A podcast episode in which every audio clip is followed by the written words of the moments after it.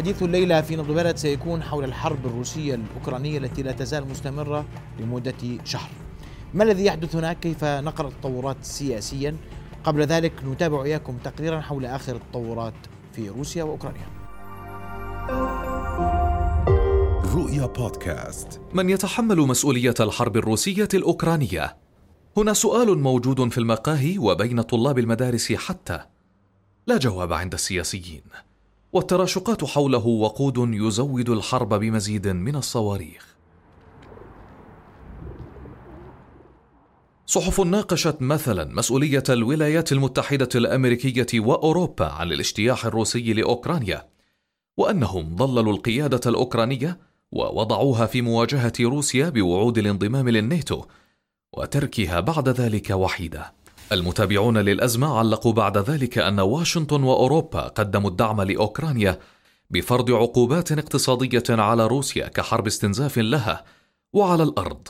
تركت تحارب وحدها وأن الرئيس الأمريكي جو بايدن دق بالوكالة طبول الحرب فاتحا الباب أمام بوتين لاقتحام الجارة وبعد أن حلقت الصواريخ ودوت في كييف علق بايدن. صلوات العالم أجمع مع أوكرانيا. العالم والإجابة على السؤال. بقيت منذ اليوم الأول وحتى اللحظة صراع المنابر وحديث المحللين. والفرضيات تقول إن واشنطن مهدت الطريق للحرب وأشعلتها وأوروبا كذلك.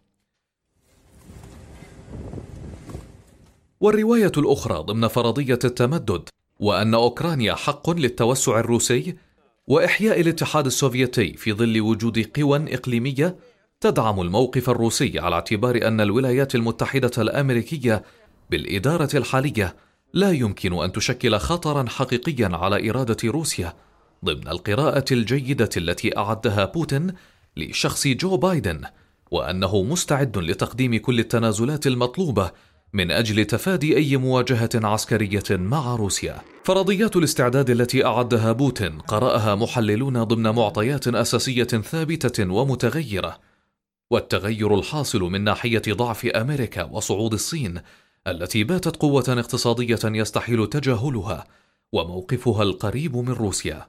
بايدن رسم خطته ويظن أنها خطة رسمت بإحكام. كييف حصلت على دعم لفظي وبوتين يمطر سماء أوكرانيا بالصواريخ. والسؤال سيبقى معلقا من يتحمل مسؤولية الحرب الروسية الأوكرانية؟ إذا نطرح ليلة سؤال من يتحمل مسؤولية الحرب التي تدور بين روسيا وأوكرانيا؟ أرحب بضيوف الكرام للحديث في هذا الموضوع كل من الصحفي والمحلل السياسي الأستاذ حمدان الحاج. مساء الخير أستاذ حمدان. أهلا بك. أرحب أيضا بالكاتب والمحلل السياسي أستاذ موفق محدين. مساء الخير. أهلا بك في نبض البلد. أستاذ حمدان أسمع منك بداية ورأيك وتقييمك. من يتحمل مسؤولية ما يحدث بين روسيا وأوكرانيا؟ أنا أعتقد أن من يتحمل هذه الحرب آه، هو بوتين. بوتين آه، أعتقد أنه آه، أقرب لعقلية الحاكم العربي. بوتين من عام 1999 بعد أن غادر بوريس يلتسن الحكم هو جاء رئيسا بالإنابة. ومنذ ذلك الوقت وحتى الآن وهو رئيس وأخذها فترة ميدفيديف عنه رئيسا للوزراء ثم عاد رئيسا. وسيبقى رئيسا لروسيا آه، حتى 2024 وبعد ذلك يجدد له تلقائيا فترتين طويلتين ممتدتين كاملتين لحتى عام 36 وبالتالي هو سيكون آه، صاحب أطول آه، حكم في روسيا من البدايات لأنه هو من عام 2000 ل 2036 اعتقد ان بوتين مغيب أعتقد أنه آه، فقط يصدر أوامر لا يعرف ماذا يجري وأن المحيطين به لا يستطيعون أن يبدوا رأيهم كأي دكتاتور في العالم. ويكفي إنه آه، بايدن آه، يعني يصف مرة بالجزار ومرة بمجرم الحرب. ومعلقين المتابعين الروس يتابعون بأنه هذه قد يعني تعثر إعادة العلاقات بين البلدين إلى ما قبل هذه الحرب. بوتين لم آه، يعني أخطأ ما كان يجب أن يخطئ.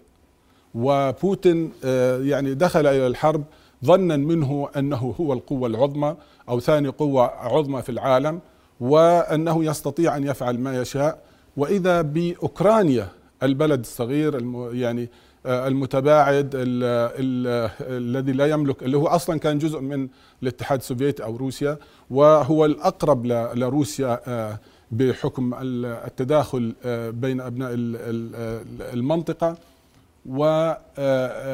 وعندما دخل إلى أوكرانيا وجد المعلومات المضللة التي حصل عليها من قادته ومن استخباراته بأنها غير صحيحة وأن أوكرانيا ليست لقمة سائغة له وأنه لا يستطيع أن يبتلعها خلال يوم أو يومين وهو الآن في الشهر الثاني وقد يصل إلى الشهر الثالث أو أو غيره ولا يستطيع أن يبتلع لا كييف ولا غيرها.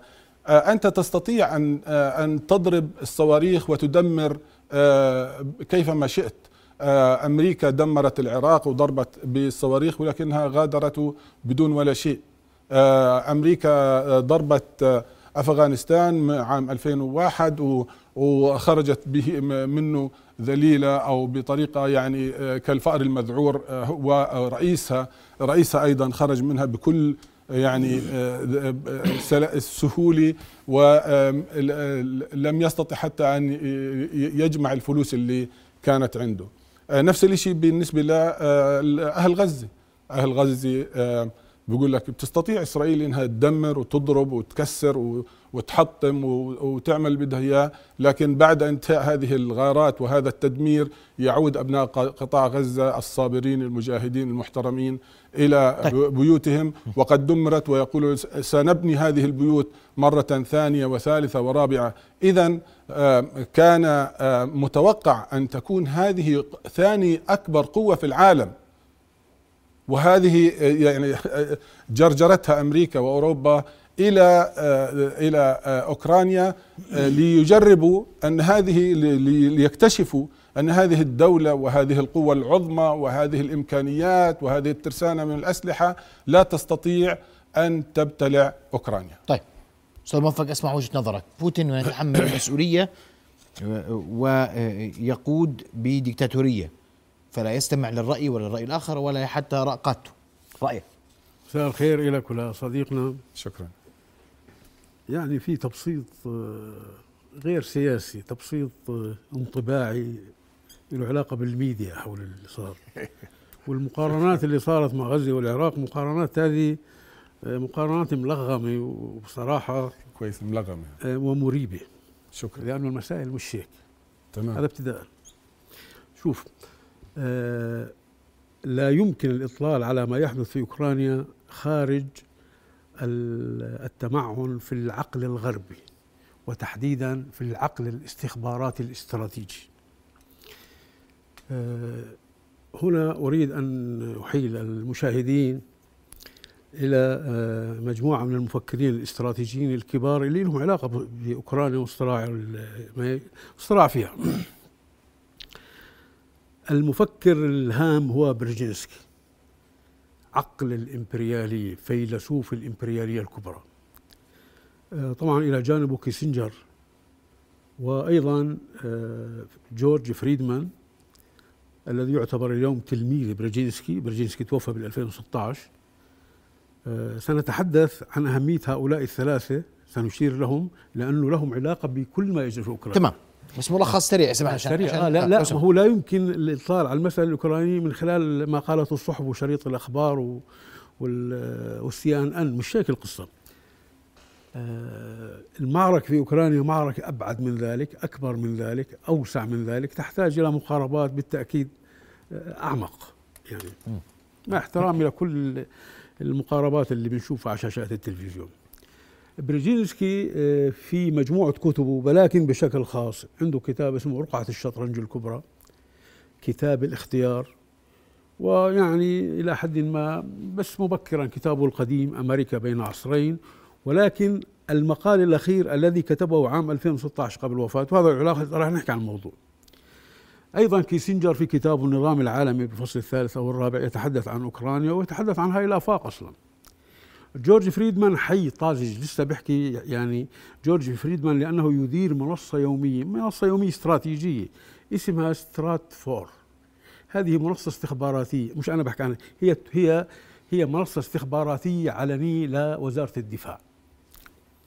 شو بحكي برجنسكي وإلى حد ما آه، تلميذه جورج فريدمان وكيسنجر على الهامش لأنه كيسنجر كان اهتماماته في الصين أكثر من اهتماماته في روسيا. برجينسكي بوصفه يعني جيوبوليتيكي يعني سياسي استراتيجي من النوع الثقيل. يعني عقل عقل كبير برجينسكي. في وخصوصا في كتابه رقعة الشطرنج الكبرى آه، ينطلق من مرجعيات للجغرافيين الكبار الآباء الكبار في في الجيوبوليتيك آه، راتسل الألماني ماكندر سبيكمان هامان وجورج ماكندر جون ماكندر. ينطلق منهم يقرأ هذه المرجعيات ويعني يقوم بصياغة نظرية تستخدمها الولايات المتحدة تقريبا منذ 30 إلى 40 عام وهي تقرأ آه، في عقل برجينسكي. حتى من العهد الجمهوري إلى العهد الديمقراطي رغم أنه بدأ هو مع كارتر مستشار لشؤون الأمن القومي. يقول برجينسكي خلاص سيدي انت كرمت خلاص خلاص. ما بصبر أنا أنا أنا ما بروح. يعني معلش هذا العمل طيب خلي عشان بدي عشان بدي أقسم الوقت وبدي أقدر ماشي ماشي. يقول برجينسكي تفضل.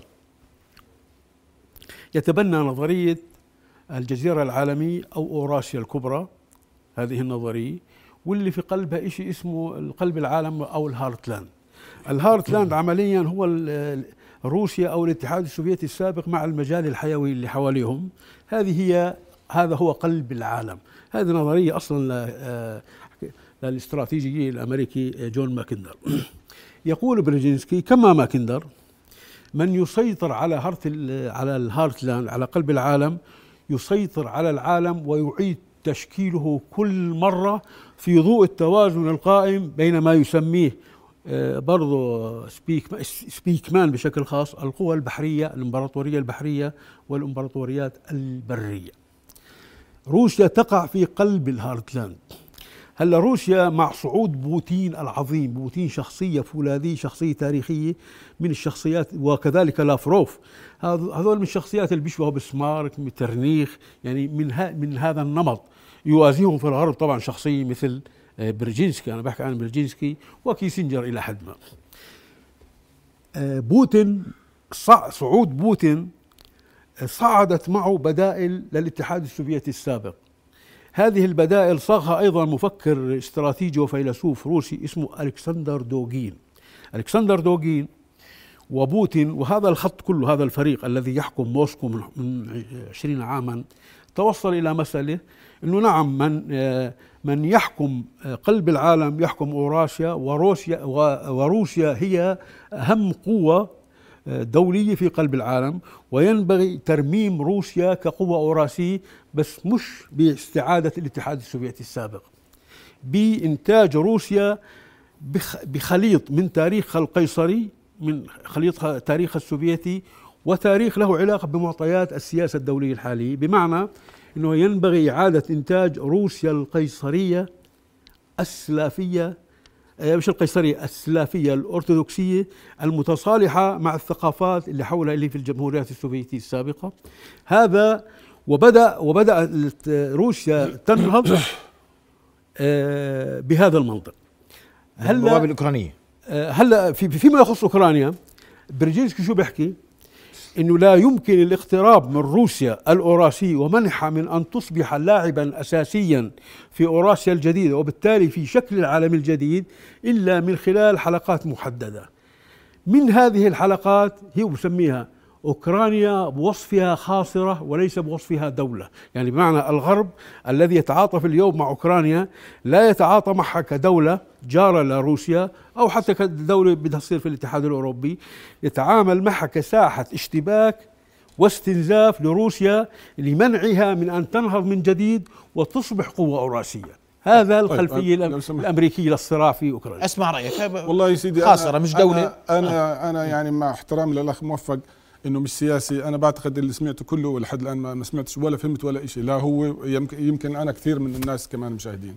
الأخ موفق في عنده محاضرة يوم الأربعاء محضرها وسمع يوم السبت الماضي محاضرة عن دوغين وعن غيره إنه أي محا... أي كلمة أي خطوة بيقوم فيها بوتين. يعني أنا برجع لك قول لي قول لي عن أي خطوة بقول لك عن أي فقرة من كتاب دوغين. هذا هذه كلام نظريات.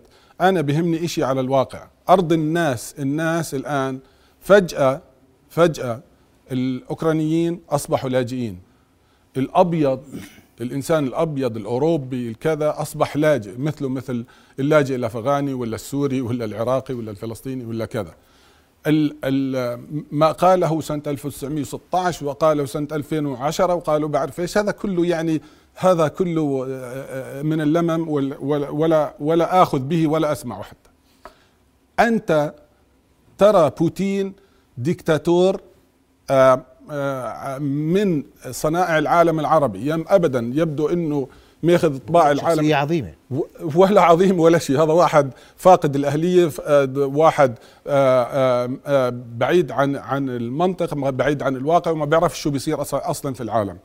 ال- هو ال- المشكلة الآن آه، أوكرانيا. أوكرا آه، أصلا ضحكوا عليه الغرب آه، ال- بوتين نفسه ضحكوا عليه الغرب ثلاث مرات. يوم أبدا.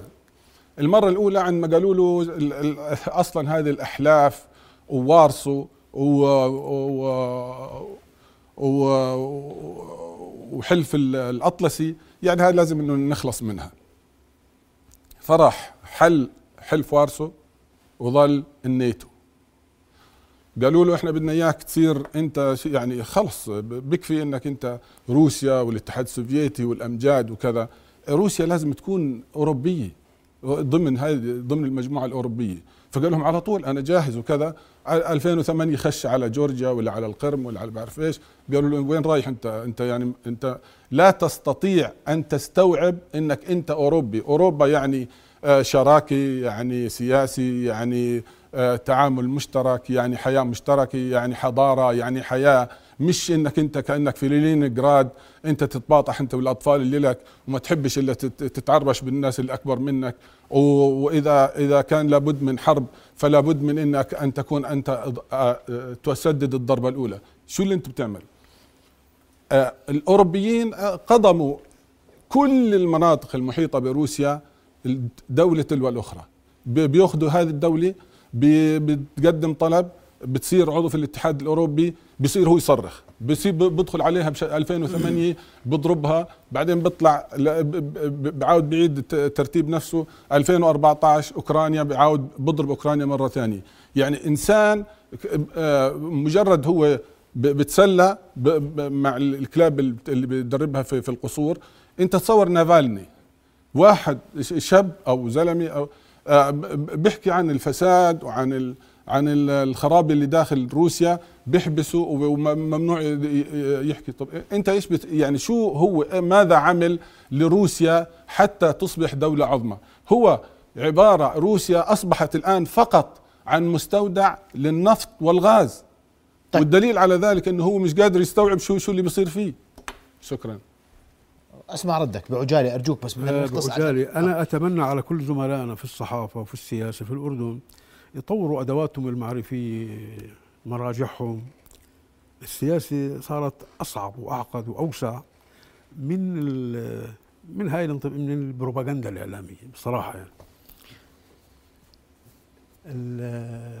معركة أوكرانيا. هلأ فيما يخص أوكرانيا بالذات ما أنا بحبش أحكي لا بأوكرانيا ولا بالأردن ولا بهاي ولا بالقصص الصغيرة يعني. بس مع ذلك مضطرين. أوكرانيا أصلا آه، المعركة اللي معلنها بوتين يعني والجيش الروسي والعملية الروسية الشجاعة في أوكرانيا هي مركزة هو بقول بس أنا ش- أنا شايف الأفق أكبر أكبر من هيك. هي معركة فيما يخص أوكرانيا تتعلق بالدومباس وبالقرم وبنزع السلاح النووي في أوكرانيا بعد التصريح الخطر للرئيس الأوكراني الذي يحمل الجنسية الإسرائيلية. والذي تحميه آه، محمي بفريق نازي مدرب في إسرائيل وشارك لبلاك ووتر في تدمير العراق بال 2003 جزء من القوات النازية هذه التي تحمي والتي استولت على السلطة 2014 هذه شاركت مع القوات الأمريكية في تدمير العراق والعدوان عليه عام 2003 ال- يعني هذا الشعار الروسي. دونباس والقرم أصلا أراضي روسية يعني أراضي روسية ومعظم سكانها روس. وتم إلحاقهم في الاتحاد السوفيتي إلحاقات أيديولوجية إضافات أيديولوجية. يعني مثلا الدونباس آه، كان فيها مصانع آه، مناجم فحم فيها مصانع كبيرة فيها حزب شيوعي قوي جدا. وكذلك القرم. الأوكرانيا ال- ال- الداخلية أوكرانيا البرية والغربية مناطق زراعية الحزب الشيوعي كان فيها ضعيف. لينين ثم ستالين حتى يقووا الحزب الشيوعي الأوكراني. وحتى يقووا الاقتصاد الأوكراني في تشكيل الصناعية راحوا أخذوا قرار بضم دونباس الروسية يعني مشان أنت تقوي الحزب الشيوعي الأوكراني رحت أخذت قرار بضم بضم بلد. وكذلك فعل خروتشوف في سياق صراعات اللي شهدها الاتحاد السوفيتي بعد وفاة ستالين والمؤتمر العشرين في سياق هاي الصراعات الداخلية أخذ قرارا بضم القرم. فهي أصلا أراضي روسية إلحاقات أيديولوجية إضافات أيديولوجية. كان كانت مفهومة عندما كانت أوكرانيا جزء من الاتحاد السوفيتي. مع الانهيار الاتحاد السوفيتي واستقلال أوكرانيا وصارت جمهورية مستقلة أصبحت هذه الأراضي بدها ترجع. 20 سنة وفي مفاوضات بالمناسبة على القصة إنه دونباس واست- واستقلال ذاتي وحكم ذاتي وكذلك القرم. وبس هذه هاي المجموعة النازية وهي مش بس نازية بالمناسبة. نافالني نافالني هم هذول بيشبهوا نافالني. كيف بيشبهوا نافالني؟ هذا اللي بيحكي عنه المعارض الروسي. نافالني كما الثورة الملونة في أوكرانيا يديرها جورج سوروس الملياردير اليه- الملي- المليونير اليهودي المعروف. جورج سوروس صاحب المؤسسة الم- المعروفة المجتمع المفتوح إلى مكتب في عمان. جورج سوروس اليهودي هو الذي يقود كل الثورات الملونة وكل مجموعة وكل المجموعة الحاكمة في أوكرانيا تلاميذ سوروس ونافالني الروسي من تلاميذ سوروس. هذول جزء من ثورة ملونة طيب. لها علاقة بمحاولة الرأسمالية. تجديد نفسها وإعادة إنتاج نفسها واضح. عبر أشكال من هذه القوى. أستاذ حمدان راح أسمع ردك بعد فاصل قصير. فاصل ثم نواصل القومان نواصل حوارنا وضيوفنا الكرام توقفت معك أستاذ حمدان. ومن يحكم أوكرانيا اليوم مجموعة نازية شاركت في الحرب على العراق. هي تحمي رئيس يملك جنسية إسرائيلية. لماذا نقف معه؟ هذا توصيف الأستاذ موفق. آه، بس قبل ما أحكي عن النازيه وعن كذا آه، موفق آه، أبدأ ملاحظتين إنه آه، اللي بده يحكي بده يعمل يكون عنده تطوير الأدوات وإنه آه، عملية روسيا عملية شجاعة. أنا بس بدي أحكي للأخ هذا بدي أتناول قضيه عملية شجاعة. يعني أنت عندما تحكي عن عملية شجاعة بالتدمير وبالقتل وبالتشريد وباللاجئين وبالكذا وبالصواريخ وقال والله سوريا روسيا جربت الصاروخ ال- يعني على على على مباني وعلى قتل وهذا. على كل انت بتحكي عن بكرة وزراء خارجية الدول العربية. من أكبر وزراء خارجية الدول العربية بدهم يلتقوا مع بلينكن وزير الخارجية الأمريكي على وزير الخارجية الإسرائيلي في إسرائيل. وبديش أقول لك في القدس وبدهم يقعدوا يومين وبدهم يناموا هناك واليوم الثاني بدهم يكملوا الحديث على النازية. شو الرابط؟ مش فاهم. الرابط انه إنه أنت بتنام عنده. ال- ال- وزراء الخارجية العرب وزير خارجية مصر وزير خارجية البحرين وزير خارجية الإمارات وزير خارجية المغرب كلهم موجودين. فانا أنا مش أنا اللي بتعامل مع النازية. أنا ما بتعامل مع النازية ولا لانهم هم بدعموا إسرائيل. أنا ضد إسرائيل وإسرائيل معتدي وإسرائيل يجب ان أن تعود إلى آه، ال- ال- آه، ال 67 وأنه الض- الضفة الغربية وقطاع غزة أراضي فلسطينية و48 أبناء 48 فلسطينيين. وهذا كل هذا ال- الكلام أنا لا يمكن إني أقبل فيه إنه باحتلال الضفة الغربية وقطاع غزة وحتى وأنا تابعت ال- المفاوضات الأردنية الإسرائيلية والفلسطينية الإسرائيلية عام 93 و94 وما قبل ذلك تسعة في التسعينات وإسبانيا وغيرها والوفد المشترك وغيره فالإسرائيل بدك تعتبرها تقول لي حقيقة موجودة أو غيره أنا بتعامل مع مع حقائق بغض النظر عن الأخ موفق بيحكي عن عن إنه نازيين وغير نازيين. النازيين اللي بوافقوا إنهم يتعاملوا مع النازيين. النازيين هم اللي بيحطوا إيديهم بيدين النازيين. النازيين هم اللي بيقبلوا إنه الناس تتشرد وتنضرب وتتعذب. وت... أنا بالنسبة لي أي واحد عندما بشوف أي واحد مشرد مين ما يكون إما أن تكون إنسان وإما أن لا تكون إنسان. هذول مشردين هذول لاجئين. بغض النظر مين هم. أما كيف أنا أرفض إنه الفلسطيني أو العراقي أو السوري إنه يتشرد ويصير لاجئ وأقبل إنه الآخرين يصيروا لاجئين وبنفس الوقت أنت بتقول عن عن حالك إنك إنسان. كمان يسأل بوتين حسم معركة سوريا وهي بعيدة. بوتين بوتين بوتين جاء بوتين جاء لمصالحه جاء لميناء طروس لأنه سكروا عليه الأوروبيين والأمريكان كل المنافذ البحرية وإجا مشان يلاقي له منفذ. بوتين مش جمعية خيرية فاتحها مشان إنه يعمل يعمل صداقة مع العالم العربي. بوتين يريد خيراتك يريد أنه يحصل على مكتسبات يريد أن يثبت مواقع له في العالم العربي يريد أن يقف أمام أمريكا يريد أن يقول لبشار الأسد اللي لفظته شعوب لفظوا شعبه وشرد الملايين وقتل مئات الألاف أو مليون إنه هذا المجرم. هو هو بيقف مع واحد مجرم مثل بوتين اللي اجى دعم مجرم. طيب أسمع ردك سيدي. ان تقف مع مجرم دعم مجرم وهو الأسد رئيس الجمهورية العربية السوري دخلت تعرضت بلاده بال 2011 لثورة متسلسلة. بدأت ثوره ملونة مثل كل الثورات الملونة المشبوهة سلمية ولا مش سلمية. فشلت هذه الثورة الملونة. في أن تتقدم في المشهد السوري لأنه كما هي مثل كل الثورات بالمناسبة الثورات الملونه وهذا يعني لم يعد هناك سر هذه الثورات السي آي إي ثورات المخابرات الأمريكية التي تستثمر في جوع الناس واحتقان الناس والفقر والفساد والاستبداد. يعني كل الأنظمة العربية كلها تحت الضوء ما حدا بدافع عن نظام عربي. بس سوريا لأسباب سياسية ولها علاقة في شيء بيشبه أوراسيا لأنه الأسد كان متبني مشروع اسمه البحار الخمسة وقريب من أوراسيا وبده يربط البحر المتوسط بالبحر الأسود. حكاية طويلة بدها نقاش آخر. على أي حال. فشلت الثورة الملونة في أن تتقدم في المشهد السوري. دفعوا موجة أخرى من التكفيريين والمجرمين والمرتزقة بحيث يتجمع في سوريا في لحظة من اللحظات نصف مليون مرتزق. تكفيري. من الايغور لوين ما بدك زائد بتنسيق مخابرات تركيه وإسرائيلية وأطلسية إلى آخره وانتهت يعني كمان هذا في تكامل يعني قصة التدخل السوري في روسيا في سوريا كمان جزء من حسابات طويلة عريضة بدها نقاش لها علاقة كمان بتاريخ روسيا في المنطقة. النازي هو من يشرد الناس. آه النازي شايف يا عزيزي أنا ليش بحكي إنه مهم الناس يقروا مهم الناس يعيدوا قراءاتهم؟ النازية مش ثرثرة. النازي مفهوم سياسي محدد مفهوم سياسي اجتماعي.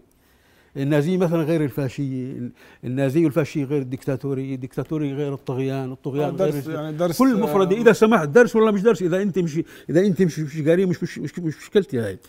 هذه مفردات لها دلالات مختلفة في مراحل مختلفة تقرأ بأشكال مختلفة.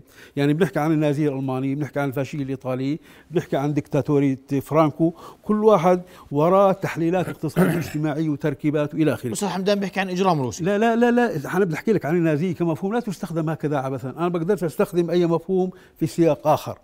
النازية لها علاقة في أزمة البرجوازية الألمانية المهزومة في الحرب العالمية الثانية دفعت قوى صنعت قوى اللي هي القوى النازية في سياق رد على مؤتمر رد على هزيمتها في الحرب العالمية صنعت قوى شكل اقتصادي اجتماعي أيديولوجي لبرجوازية مهزومة النازية. في إيطاليا الشكل البرجوازي المأزوم مختلف أخذ هذا الشكل الفاشي وفي وفي في أمكنة أخرى وهكذا. فهي مصطلح يعني آه والصهيونيه مش نازيه ولكن الصهيونيه أوسخ من النازيه بس الصهيونيه لما باجي بقول الصهيونيه تتضمن جوانب نازيه يمكن بقول النازيه تتضمن بس الصهيونيه ظاهرة أخرى لها علاقة بتوظيف تجميع اليهود في العالم وتوظيفهم لخلق محمية الشرق المتوسط في خدمة الإمبريالية البريطانيه ثم الامريكيه قصة أخرى.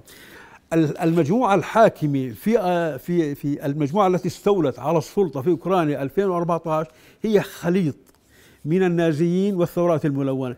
منين جت النازية لأوكرانيا في الحرب العالمية الثانية خلال اجتياح يا أستاذ موفق عشان بس أنا بدي, بدي بس ليش سك أنا صبرت من 2014 ل 2022 أحكي لك 2000 طالما في نازية حكمت لا لا ال 2000 النازية أحكي لك أحكي. لك. النازية ال- هي تشكلت خلال الحرب العالمية الثانية فصائل كتائب شكلتها المخابرات الألمانية من الخونة الأوكرانيين اللي قاتلوا ضد الجيش الروسي لأنه روسيا زمان أنا ذا كان أوكرانيا أنا كان جزء من الاتحاد السوفيتي مجموعة من الخونة ضد شعبهم وضد جيشهم قاتلوا في مع الألمان. هزمت ألمانيا هزمت النازيه معهم. قسم من النازيين قتلوا. القسم الأعظم حملته المخابرات الأمريكية شيء حطته في المانيا الغربية؟ وإشي حطته عندها في في في أمريكا. هلأ مع انهيار الاتحاد السوفيتي في فترة غورباتشوف بال 1989 تم آه، إحياء النازيه من مجاميع داخل أوكرانيا ومجاميع عائدة مدربة ومرتب ومدربة ومظبطة في الولايات المتحدة الأمريكية على يد الاستخبارات الأمريكية. جرى دفعها إلى أوكرانيا وشكلت الجبهة الشعبية في أوكرانيا. اللي فازت في انتخابات. بعدين لا هي ما فازت في الانتخابات. مش النازيه اللي فازت في مش المجاميع. المجاميع النازيه هي عبارة عن ميلي أك كانت أك هي ميليشيات. ميليشيات مسلحة يعني ميليشيات من هالنمط. آه، شاركت في الحكم اندفعت على الحكم دفعت قوى موالية لها في الحكم. هي التركيبة كلها عند الغرب عند المخابرات الأمريكية والبريطانية. ركبت هذا الحلف ثورة ملونة على نازية على أوجاركية على أوجاركية. ركبتهم وسلمتهم هذا هذا ال- الحكم. فالنازية في أوكرانيا مش كذبة مش مفردة حقيقة لها علاقة لها جذور من الحرب العالمية الثانية إلى ال- طيب. ال- الوضع الراهن. أسمع ردك أستاذ حمدان والله ما ما هذا درس في التاريخ. يعني أنا مبسوط إن الأخ موفق أخذ هذا المنحى. آه طبعا مش كثير فهمت أنا باللي بيحكيه لأنه كله تاريخ. لكن أنا عندما بقول لي إنه آه إنه آه الرئيس بشار الأسد رئيس بمواصفات بديش أعيدها لأنه هو مش بهذه المواصفات. أول دولة بعثت مرتزقة سوريا مشان تدعم آه، بوتين في تقاتل آه، في يقاتلوا في أوكرانيا. آه، طبعا آه، اثنين بيشبهوا بعض الاثنين ديكتاتوريين الاثنين قتله الاثنين آه، آه، آه، أساءوا ل- للتاريخ أساءوا لشعوبهم وس- معقول اليوم أنت سوريا الم- المنهكة من من الحرب ترسل مرتزقة كما هي بتقول هم اللي بيقولوا مش أنا اللي بقول هذه هذه إحصاءات آه، سورية و وبشار الأسد وعد آه، بوتين بأنه يزودوا ب- بمقاتلين وانه يعني هو بده؟ بيرد الجميل ل- لبوتين لما قام آه، به سمعت آه، هذا إلى سوريا؟ شو آه. هلا أحكي لك. اولا أرجوك هذا لا لا زي الحديث عن إنه يعني يعني روسيا طلبت من الصين تزويدها بالسلاح وروسيا هي اللي بتطور الأسلحة الصينية وهي اللي بتحدث تشرف على تدريبها وتطويرها بتطلب من الصين تعطيها شوية سلاح. هلأ آه في مثلا في فكرة هي معنوية. آه، رد على آه، هذا الفي- الفيلق العالمي المأجور هذا اللي أطلقه رئيس آه، هو هو مش راح يجي ناس كثير. لا هو في ولا ما في؟ لا لا كمل لك كمل لك كمل لك في سياق شو مش في وما في. هذا في الصحافة في وما في. في الصحافة اسمعني في الصحافة في وما في في العلم والعقل والبحث. هذا مش علم يا رجل. هذا إنت يا أخي، بتحكي خليني أسمع. أنت بتحكي يا أخي أنا عندي في شيء اسمه سياق ودلالات والأسباب والظروف والبيئة والشكل. محمد مليون سيدي. في ولا ما في؟ معلش أبدأ أمشي معنا لا لا لا أنا ما هي لا, لا هذه أسئلتي ولا هي أجوبتي. أنا بقول لك في سياق إبداء شكل من التعاطف الدولي والعالمي. اسمعني اسمعني لا في في شكل من مش بس في روسيا مالي ساحل العاج تشاد تعرف؟ الباكستان. تشكلت أفواج من المتطوعين الآن من 26 دولة. ها؟ اذا يعني أنا بحكي صح. بس مش سوريا. لا. مش سو... سوريا وحدة. سوريا واحد. طيب آه، يا سيدي أنا بحكي لك مرتزقة، عن سوريا. بدك ترد جميل. مش مرتزقة. ليش. م- ولا عمي، بتسميهم؟ واحد بيقاتل في دولة أنا غيرها. اسمعني أنا زلمة يساري أنت مش يساري. آه. إحنا عندنا في تاريخ اليسار اسمعني. طيب في تراث اليسار في شيء اسمه؟ فرق وفيالق المتطوعين. أب أكبر طبعا فيلق اللي قاتل في الحرب الأهلية الأسبانية. ناس راحوا ببلاش. مش مرتزقة باخذوش مصاري. واستشهدوا وقتلوا ببلاش. يعني الغرب عنده مرتزقة. إسمعني والله ما أنا عارف كيف الغرب ما- شوف لغة المرتزقة عند الغرب عند آه. الأمريكان وهذول واصدقائهم اصيلين و... هذول نعم. طيب شو ما أنا بقول لك إنه يعني اليسار أنت- والوطنيون ما عندهم هاي اللغة ما عندهم. طيب. الغرب عنده لغة. المرتزق وأنا عندي لغة المتطوع والمقاتل والمناضل اللي ممكن يموت. طيش الثورة الفلسطينية كم أرمني وكردي وعربي وايرلندي وباسكي قتلوا فيها مرتزقة هذول؟ هذول مناضلين مناضلين أمميين. يعني بدك أجاوب ولا؟ تفضل يا سيدي. وبعدين آه، أنت ذكرت أمثلة أمريكا ودخولها حرب. آه. وهذاك كان عادي؟ يا سيدي آه أنت ذكرت أنا. أنا أنا يعني أمريكا دخولها المعارك عادي. وبوتين دخول المعارك آه، آه آه لاجئين؟ والله بوتين. أنا بأمل يا عزيزي أنا بأمل الحوار يعني يطلع من ال- هالجوانب آه. نح نحكي في القضاء نحكي نفتح نفتح نوافذ لقراءة هذا المشهد خارج ال يعني خ- خارج المشهد خارج. الاستوديو خارج الاستوديو. يا يا أستاذ يا أستاذ مرفق أزمة كوبية. في أزمات كثيرة في العالم. وكلها سببها روسيا. كله لا أرجوك. كل هذه الأزمات. أزمة كوبا سببها روسيا؟ يعني من كل أمريكا. وأزمة فنزويلا سببها روسيا؟ هذه هذه أنت هلأ على م- وأزمة فعلا فلسطين سببها روسيا؟ وأزمة العراق ليش روسيا؟ روسيا أول دولة اعترفت في, في إسرائيل الاتحاد السوفيتي. في طيب. أول ثانية من تشكيل إسرائيل بس قالوا إحنا إسرائيل. هي خلقت الأزمة. لا لا لا لا, لا اسمح لي. مين لا قال لا. لك؟ ما دمت إنك بتحكي تاريخ؟ وبتحكي مين قال لك درس في التاريخ؟ هذا اعتراف لا موقع يا حبيبي. يا أخوي هذا اعتراف نقد. الاعتراف أقوى من أي سلاح ماشي آخر. ماشي هذا اعتراف. اعتراف عندما تقول لي إنه أنا معترف فيك وأنا مش أنا ضد هذا الاعتراف. ماشي بس هي اللي هي اللي ثبتت إسرائيل. وهي اللي قالت أنا بعترف بإسرائيل بأول. ثانية. طيب أنت نطيت على. نطيت على أنا ضد ولا ليش اسمع- اسمع، أنت بس مش تقول ضد لي تعطيني درس أنا يا- التاريخ أنا- إنك أنت يساري و- اسمعني. واليساريين أنا مش باخذ قرار التقسيم يا تحكي- إسمعني. أنت بدك تحكي لحالك؟ التقسيم وقرار بدك تحكي لحالك، اسمع. والاتفاق اتفاق آه، اسمع بدك بدك التشكيل تسمع. الدولي اليهودية وغيرها اسمع. كانت بموافقة وبمباركة روسية وأنت وأنت أرجع لك في جزء ما حكيت اللي قلته آه، آه، بوتين انضحك عليه ليش ما ما نحكيها؟ كذب عليه. مثلا نعم. وأنا سألتك الأمريكان مسموح لهم؟ 11 مليون قتيل ولاجئ. والروس على حدودهم مش مسموح لهم وأمريكا لم تكن على حدودها. أفغانستان العراق أينما ذهبت وأينما شئت. صحيح؟ هذا الكلام روسيا الواقعي روسيا انضحك عليها إنه ولا كذبوا عليها؟ يعني ما بعرفش كيف بدك تصيغها بس أنت المهم بالنهاية آه، جرجروها. وعدوها بكثير من القضايا. وعدوها إنها تصير أوروبية وما وضحكوا عليها وما ما صارتش أوروبية وقطعت مسافة معهم. آه، وعدوها إنه يحلوا حلف الناتو وما سووهاش. يعني كذبوا عليها. وب- وبعدين عليها. وبعدين تصور أنت إنه في دول أوروبية دول من الاتحاد السوفيتي عندما تركوا الاتحاد السوفيتي وروسيا استقلت والدول هذه استقلت عن روسيا آه، صاروا يأخذوا فيهم وحده تلو الأخرى إلى أن وصلوا لاوكرانيا الآن يعني أوكرانيا في في حضن آه، روسيا.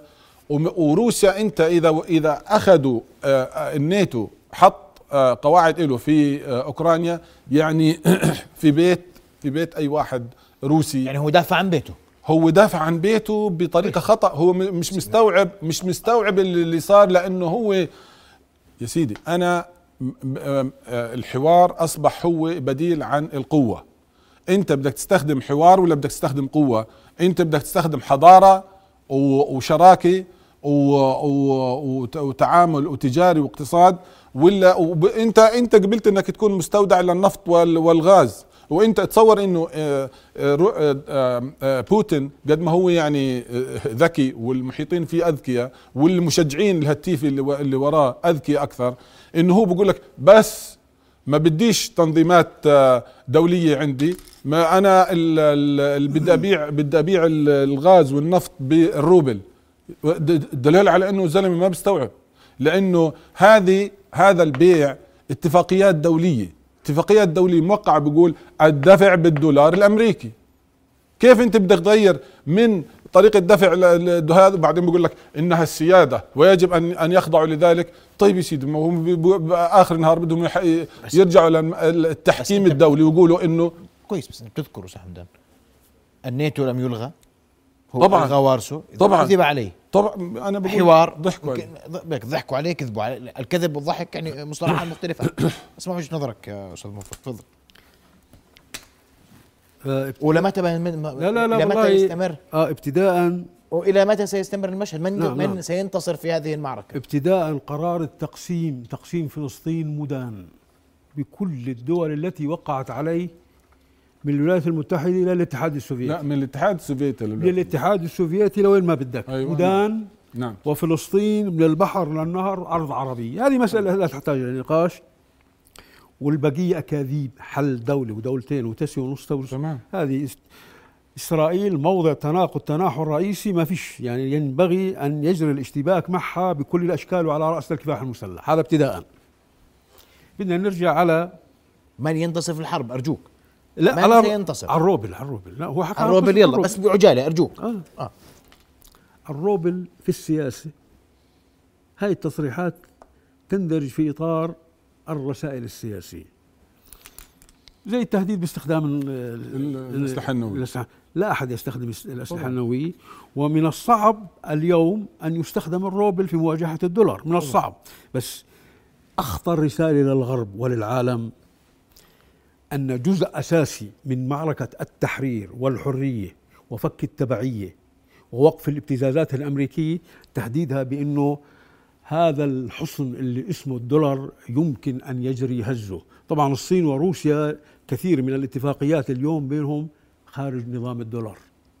هي رسالة يعني بوتين يا عزيزي في السياسة أضاف جبهة أخرى لجبهة الصراع بالإضافة للجبهة الاقتصادية اسمها جبهة النظام المالي والنقد العالمي الذي يتربع الدولار بالقوة وبسبب السيطرة أو الإمبراطورية البحرية على العالم. وأول واحد فتح هذه المعركة هذه المعركة هو الرئيس الفرنسي ديغول الرئيسمالي مش اشتراكي لأنه هذه معركة وينبغي أن تفتح. طيب. يعني هذا يعني فيما يخص ماشي. هذا هذا رسالة سياسية وليست آه، معركة. من ينتصر في هذه الحرب؟ وإلى متى تستمر؟ من من ينتصر بمعنى من الذي يحدد عناصر الانتصار؟ شوف انتصار بالمعنى التكتيكي انتهت. إيش يعني ما عاد في ما عاد في هذه الحروب المنظورة انتهت. نحن اليوم أمام حروب طويلة الأمد متعددة متشعبة. آه، لأننا دخلنا هذه حروب النظام العالمي الجديد وليست حروب النظام الدولي الجديد. يعني في كتاب لكيسنجر اسمه النظام العالمي كتاب شديد الأهمية.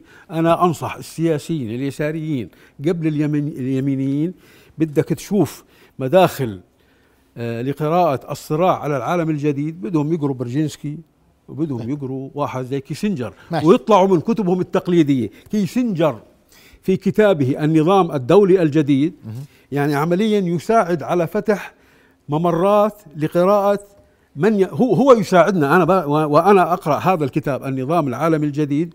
هو آه، شوف مثلا على سبيل المثال بر- برجينسكي. تعرف شو بحكي؟ آخر مقال لبرجينسكي أنا بدي أحكي لك.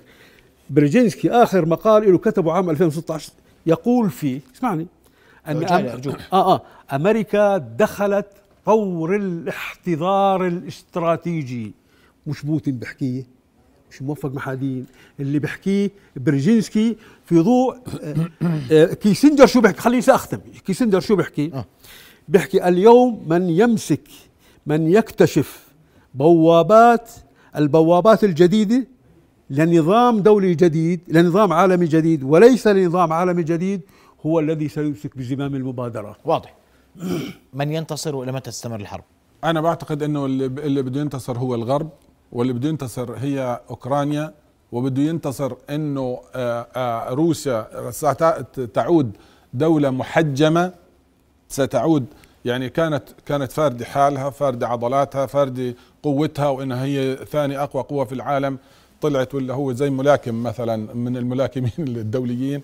آه، بتعثر في طفل صغير اللي بتصير ب- ب- بيلعب هو المهم إنه روسيا تحطمت وتحطم مشروع وقوة روسيا على آه، صخرة دولة يعني ولا كانت تعتبر من الدول التي يمكن أن تواجه لا روسيا ولا غيرها، لا عندها استعداد ولا عندها قوة ولا عندها قدرات ولا عندها إمكانيات، وفجأة كل العالم كل العالم آه، بدأ يساعدها. ليش؟